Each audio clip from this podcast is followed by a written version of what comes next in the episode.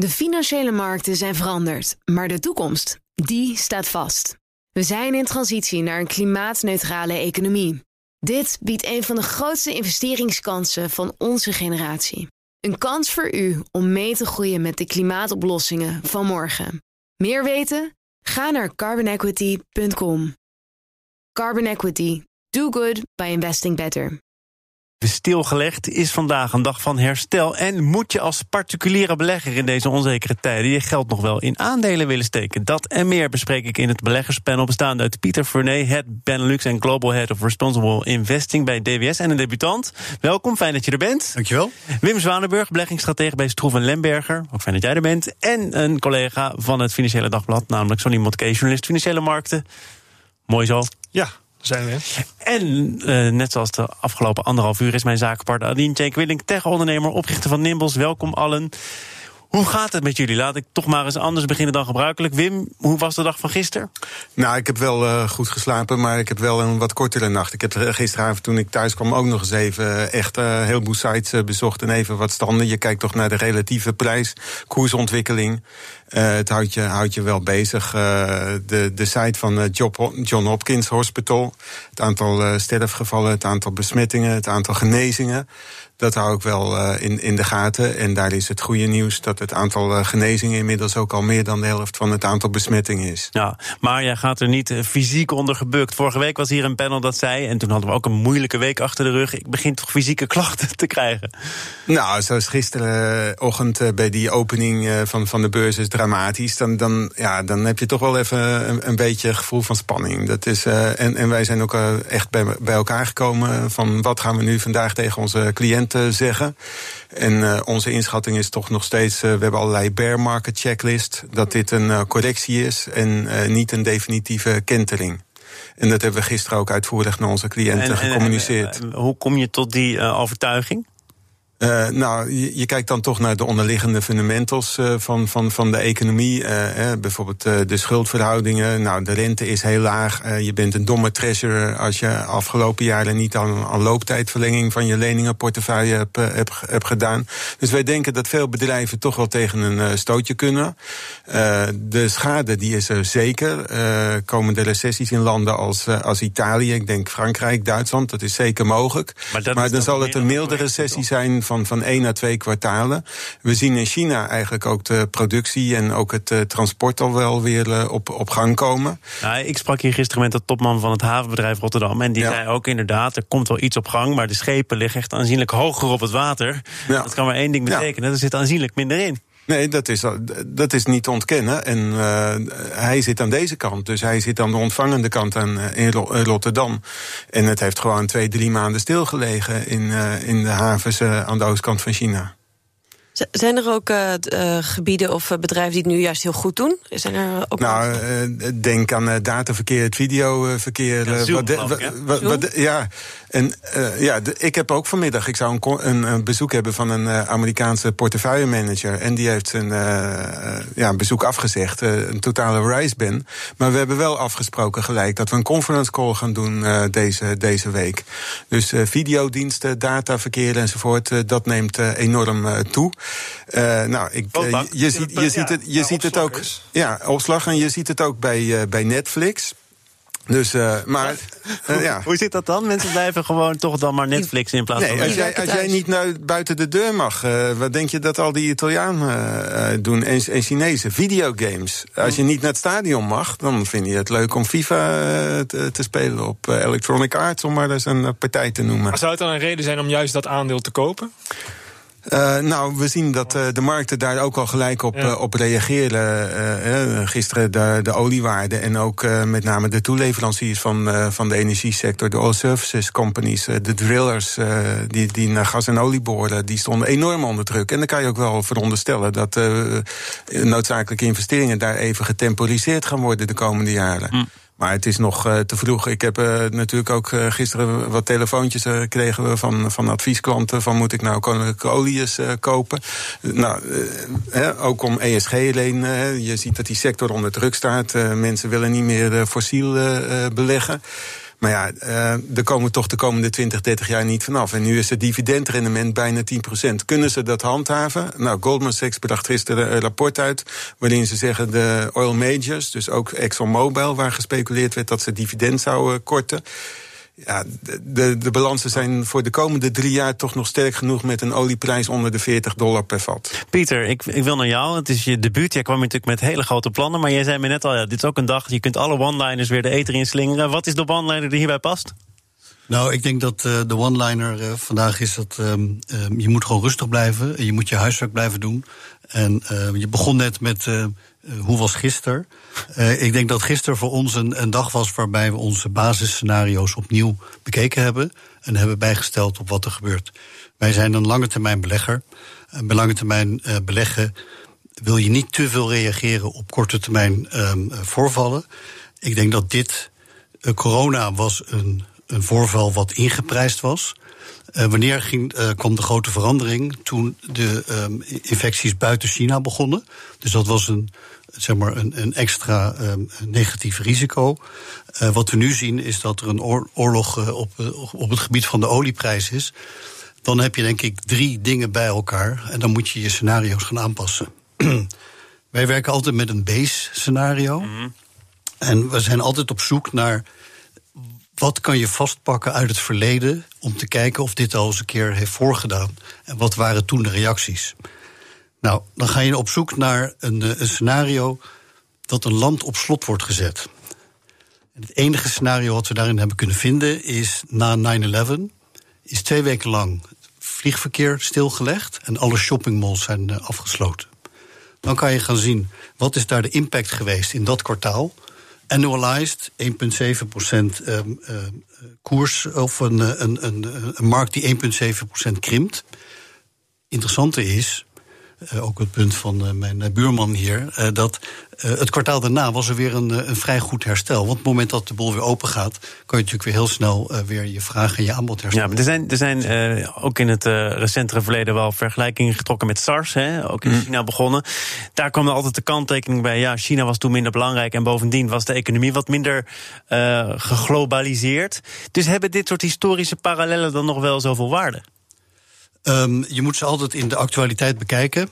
Um, helaas uh, hebben we alleen het verleden om de toekomst mee te prognosticeren. Uh, dus het blijft altijd een educated guess uh, die we maken. Nou, toch zijn er. Ik ben deze uitzending begonnen met Kees de Kort. Ging over de OECD. Die kwam altijd met de leading indicators. Hè. Wat verwachten ze daar van de komende zes tot negen maanden? En die zijn vandaag volgens mij gewoon niet gekomen. Omdat ze hebben gezegd: ja, het heeft niet zo heel veel zin meer om in de toekomst te kijken. Sonny, snap je dat?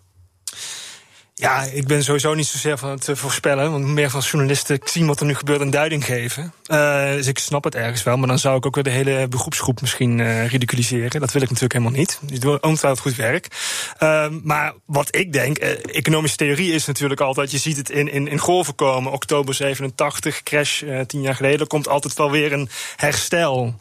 Dus je vroeg, de eerste vraag was ook van hoe voel je je? Ik voel mij best wel enthousiast. Ik ben nog net niet gehyped. Want, er valt uh, veel om op te Er valt nu heel veel, maar vooral de komende dagen en weken. Want wat gaat er nu gebeuren? Bijvoorbeeld welke bedrijven uh, staan toch uh, op failliet? Wat gaat, gaat, gaat moeilijk zijn, vooral in de schaliegassector. dat wordt toch moeilijk.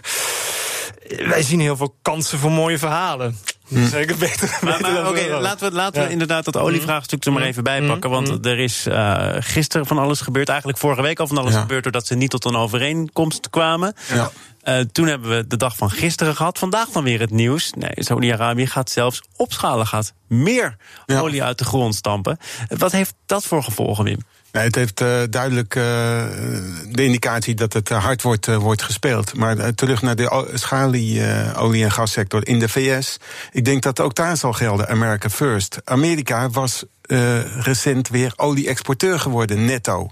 En ik denk dat uh, die positie uh, niet wordt prijsgegeven door Trump. En dat hij dus met speciale beleningen en dat soort zaken gaat, gaat komen. Ze willen eigenlijk aan de wurggreep van de OPEC ontkomen. En zeker ook tegen gas geven aan Rusland. Dus ik denk dat ze in het Witte Huis wel hun eigen scenario's. Ja, het is dus gewoon een, een wedstrijdje, een geopolitiek wedstrijdje. Ja. En de vraag is dan: wie komt daarmee het verst? Wie kan het ook het langst volhouden? Ja, nou goed. Um, de rente loopt, eh, loopt nu op. Hè, dus er wordt gelijk gezegd, ja, die schuldenberg is een, uh, is een probleem. Ik zei net al, als je treasurer bent, hè, dus de, de, de financiële man van, van een onderneming, dan heb je natuurlijk afgelopen jaren met die lage rente al het nodige gedaan om de looptijd van je leningenportefeuille te verlengen.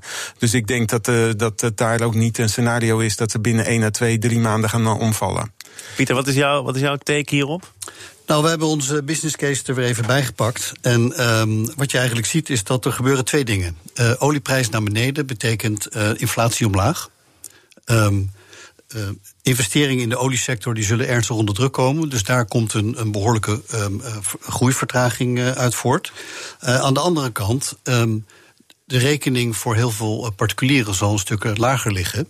Dus dat heeft hier een positief effect. Dat is sneller dan het, um, het vertragingseffect van uh, lagere investeringen. Want dat is een veel snellere reactie. Um, je zou kunnen denken dat je in een soort deflatiescenario komt. Um, daar zijn we eigenlijk niet zo heel erg bang voor. Want wat je eigenlijk ziet is dat deflatie is natuurlijk funest voor investeringen. Want je gaat alles uitstellen. Ja. Behalve bij energie. En dat is fascinerend van dit scenario. Want jij gaat niet het uh, volgooien van je auto uitstellen. Dat kun je gewoon niet uitstellen. Dat kan je niet uitstellen. En je gaat ook niet de thermostaat lager zetten, omdat de prijs nu misschien volgende maand lager is dan die van vandaag. Dus het is een hele fascinerende combinatie van uitgestelde investeringen in de energiesector en korte termijn uh, effect op de lopende rekening van eigenlijk elk huishouden. Sorry, we hebben het in Nederland en dat is logisch, want het is uh, een Nederlands boegbeeld veel gehad over Shell. Die hebben natuurlijk een flinke klap gekregen. Wim hint er al even op. Dividend is daar heilig, hè. daar tornen ze niet aan. Tegelijkertijd spelen er dingen als het opkoopprogramma van de eigen aandelen, kostenbesparingen. Wat, wat moeten ze daar nou doen? Of moeten ze vooral even niks doen? Ik denk dat Shell nog wel een tijdje eruit kan zingen. Die hebben nog wel ver op de botten om dit, uh, dit vol te houden. En waar ik eigenlijk meer naartoe wilde gaan voor mijn verhaal, maar dan is, is, is wat wij horen nu op de redactie, alles wat bij ons afkomt, is dat juist er wordt nu een heel groot angstverhaal. Uh, een beetje misschien bij de markt ingepompt van moet je niet uh, allemaal verkopen, allemaal verkopen. Maar alle banken die ik bel op dit moment, die zien juist heel veel mensen die nu juist instappen. Oh ja, nee, dat dus nou ja, jullie, jullie cover vanmorgen, hè, het bloed druipt echt van de pagina's ja, uh, af. Ja, en nou ja, dat is weer de bekende citaten. Als het bloed door de straten golft. En ook Warren Buffett die zegt van ja, als, als er nou collega's met bleke gedicht, nou gezichtjes zitten. jij ooit hebt meegemaakt, dat vraag ik me af. Nou, wat je terecht zegt net, ja. het gaat in golven. Ja. En uh, ja, dan, dan uh, wij hebben echt klanten die zeggen van ja, dit zien we ook als een uh, instapmoment. Kijk. Moet ik al extra storten? Nou, dan zeggen wij oké, okay, kom maar binnen, we doen dat wat voorzichtig. Maar we zitten wel per saldo aan de koopkant. Maar welke, welke signalen moeten we nu gaan zien met corona of olie dat er meteen een soort ja, de andere kant op gaat zien? Nou, ik, misschien kan ik daar wat over zeggen. Want uh, bij corona gaat het erom of er nog negatieve verrassingen zijn. En het moment dat het dus stabiliseert. En je ziet nu dat in China het aantal nieuwe gevallen, vandaag was het volgens mij 19. Het is ook bizar dat we die getallen zelf kennen, maar gisteren was het 40. um, ja, Wim die offert daar uh, nachtrust voor op. Ja, precies. maar um, wat we zien is dat uh, als de negatieve verrassingen uitblijven, dan kan je weer een herstelfase zien. Um, ik heb hier een grafiek voor me liggen waarbij je ziet um, een aantal landen, landen die snel gereageerd hebben en landen die niet snel gereageerd hebben. Nou, landen die snel hebben gereageerd, dat zijn Duitsland, Frankrijk en Japan. Daar zie je dat de boel goed onder controle blijft. Um, Italië en Zuid-Korea zijn voorbeelden van uh, waar dat niet uh, goed is opgepakt en eigenlijk veel later is ingegrepen. Er is één land waar we het eigenlijk niet over hebben. Iran. En dat is Amerika. Oh. Wat heel raar is, is dat je al 50 doden hebt in Amerika. En daar zijn gisteren geen nieuwe gevallen bij gekomen. Dat is een heel raar, uh, uh, uh, hele rare situatie. Dus wat een negatieve verrassing zou kunnen geven, is bijvoorbeeld dat we morgen horen dat er ineens 5000 gevallen zijn. Waar we vandaag nog niks van af wisten.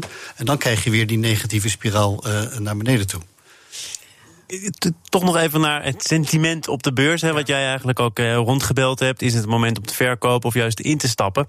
Eh, er zijn natuurlijk, eh, Pieter, jij zei dat net voordat we begonnen, hele generaties opgegroeid met het idee: ja, we gaan alleen maar omhoog.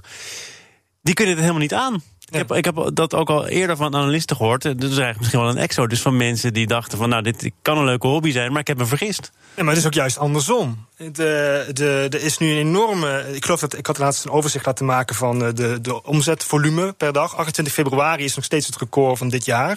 Dat heeft gisteren niet, uh, is niet verbroken op de AEX. Wat uh, Binkbank onder andere vertelt, is wat zij zien, is dat juist ook compleet groene nieuwe beleggers nu juist meer instappen. Dus mensen die het ook nooit eerder hebben gedaan. Dus ik ben eigenlijk, maar dat kan ik dus nu niet zeggen. Ik ben heel benieuwd wat die mensen op dit moment denken, wat ze nu gaan doen. Want die zijn ingestapt en die komen op een van de meest vreemde dagen in de laatste tien jaar binnen. Ja. En dat zijn de verhalen voor de komende periode. Hetzelfde geldt en dat voor bedrijven, als je nog terug wil naar bijvoorbeeld een Shell. Uh, ze kunnen het ook volhouden, maar mensen gaan, uh, bedrijven gaan ook leningen afsluiten, bijvoorbeeld, om weer extra dividend misschien uit te keren. Wat gaat dat voor de lange termijn betekenen? Nou, dat is wederom, nu ga ik weer de toekomst denken. Ja. En dan, uh... Ik denk dat de twee dingen anders ja. zijn. Um, ik denk dat uh, die hele lage rente die we nu ja. hebben. Ik denk dat iedereen echt van doordrongen is. Um, dat je op je uh, bankrekening heel weinig tot geen rente krijgt. Dat je misschien binnenkort wel negatieve rente krijgt. Nou, dat is natuurlijk een enorme stimulans voor de zeker ook nieuwe generatie beleggers, om te kijken van is er een alternatief. Tegelijkertijd zijn er heel veel CEO's van banken geweest in het FD en ook op BNR. Die hebben gezegd, ja, mensen die realiseren zich dan dat er iets mis is. Dus die gaan juist sparen omdat ze onzeker zijn geworden. Ja. Maar de jonge generatie, die zit er toch vaak anders in. Uh, die die uh, schat risico's denk ik ook wel anders in. Wij denken niet aan morgen. nou, dat wil ik niet zeggen. Maar ik, ik denk dat je... Um, um, en het andere wat ik wilde noemen... is dat uh, de informatievoorziening is nu, denk ik, veel alerter en ja. in your face dan in 2008... toen we de vorige grote daling hebben gezien. 2003 met de SARS-crisis. Maar wat, wat denk jij van de stalen zenuwen van, van beleggers op dit moment, Wim? Nou, er is altijd. Beleggers is, is niet een uh, verzamelnaam. Uh, er zijn onderscheiden groepen. Maar het is dus wel een verzamelnaam, ja, het maar is, een, is onterecht. Nee, en dat is onterecht, inderdaad. Ik denk als je, als je voor je lange termijn, voor je pensioen enzovoort uh, wat doet, ja, en, en je hebt nog wat liquide staan, dan zijn dit ideale momenten om in te stappen. En heb je het geld op korte termijn nodig en je wordt uh, wakker geschud, dan denk ik van ja, dan heb je eigenlijk niet goed uh, je, je vragen en je profiel en dergelijke ingevuld. Wat moet er nu gebeuren um, op het vlak van de centrale banken en van de nationale overheden? Want uh, dat zijpelt ook zo, uh, eigenlijk het zijpelt niet meer, het regent gewoon behoorlijk. Merkel, Italië, Trump vandaag met, uh, met een pakket maatregelen dat hij gaat aankondigen. Natuurlijk de eerdere reactie van de Fed. Um, kunnen die wat doen of moeten die eigenlijk gewoon heel weinig doen op dit moment? Ik heb daar een collega, met uh, collega's discussie over uh, gevoerd. Ik was zelf van mening dat dit toch wel een beetje uh, te veel het schot met kruid verschoten is. En ik denk dat ze meer maatwerk moeten gaan leveren met speciale beleningen, condities om, om de banken liquide te houden en dergelijke. En een renteverlaging aan zich, als de rente al laag is, zal niet zoveel effect sorteren. Zal ook niet het virus ja, tegen, nee, tegengaan. Maar dat, dat, dat moet je misschien een centrale bank sowieso niet toedichten, toch? Toch? Nee, nee. Dus, maar goed, daarom, ik denk, eigenlijk persoonlijk ben ik van mening dat die uh, reactie van Powell vorige week toch wel uh, iets te veel paniekvoetbal is. Aan de andere kant, hè, het heeft uh, geholpen, ook in de tijd met, met Draghi en zo. Hoe kan het? Whatever it takes. Ja, dat klopt. Hè, want we zijn er voor jullie als het nodig is, dan, dan ja. redden we. Maar die, de, de eerste reactie op die renteverlaging van Powell, die was volgens mij wel positief. Het is alleen daarna ontploft. Het was maar heel even. Nee, het was heel even. Intraday was het zelfs negatief uh, eigenlijk. Hè? Want uh, ja, toen kwam inderdaad de reactie in de markt... oh, is het al zo erg? en wat ziet er maar vet... hij wilde daar juist mee aantonen, ja. volgens mij. Van nou ja, als er, als er iets misgaat, dan, dan zijn we er voor jullie, toch? Ja, nou ja, dat, dat hebben ze inderdaad wel, uh, wel aangetoond. Bovendien, er wordt in Amerika niet alleen op de korte rente van de Fed gelet, maar ook op de lange rente. En de obligatiemarkt gaf al duidelijk het signaal van we verwachten een renteverlaging. En daar heeft de Fed aan, uh, aan voldaan. En dat hebben ze afgelopen jaren ook gedaan in reactie steeds op de uitlatingen van Trump. Uh, Powell wil het natuurlijk nooit toegeven. Maar in feite is hij wel door de knieën gegaan. Hij is volstrekt onafhankelijk. Ja, Pieter, uh, hij zelf. Heeft Powell hier uh, inderdaad een schot hagel gelost vorige week? En moet hij daar nu op terugkomen? Of, of zie je dat dat nu inderdaad een averechts effect heeft gehad? Nou, wat altijd het lastige voor centrale banken is... dat als er heel veel volatiliteit in de markt is... en je grijpt te snel in, dan voed je die volatiliteit verder. En dan heb je een averechts effect. Um, Ik denk dat we even de FED en de ECB even uh, afzonderlijk moeten bekijken. Ja, omdat die ook nog afzonderlijk beleid voeren op dit moment. Dat ook. En dat is ook een goede reden om dat te doen. Maar um, um, we hebben natuurlijk een, een, een herverkiezing van Trump. Uh, Trump heeft eigenlijk twee getallen altijd in zijn hoofd zitten. Eén is zijn approval rate en de andere is de beurs. En uh, volgens hem zijn ze ook perfect met elkaar verbonden.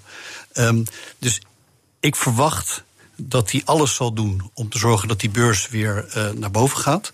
Want dan kan hij laten zien dat hij zelfs in zo'n crisis. Uh, huh, he stood there and he took care of it. Dus dat is één ding.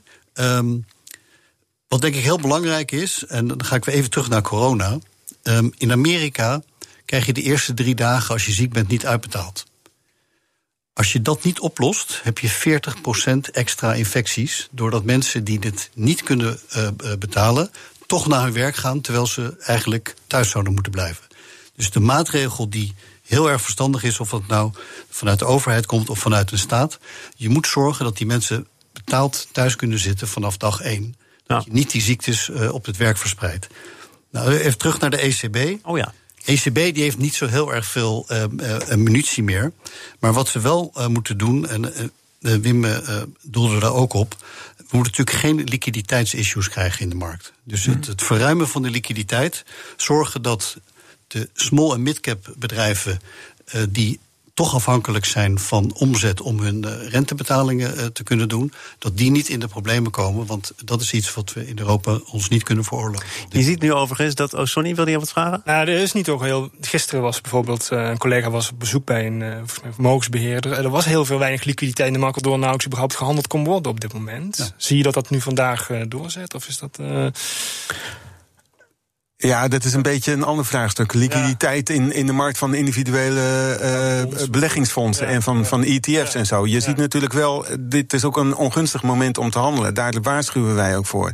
Er is heel veel passief belegd in ETF's, in indexmandjes ETF, de afgelopen is jaren. inderdaad een index. Uh, en daar zitten bied- en laadstellingen omheen. Dat is ook anders dan uh, tien, jaar geleden, ja. die producten. Dat ook daar is discussie over. Hè? Dus je kan op een, de knop drukken en je kan zelf je scherm invullen. Je kan zelf je orde makkelijk ja. in de markt leggen. Leidt dat nou tot extra volatiliteit?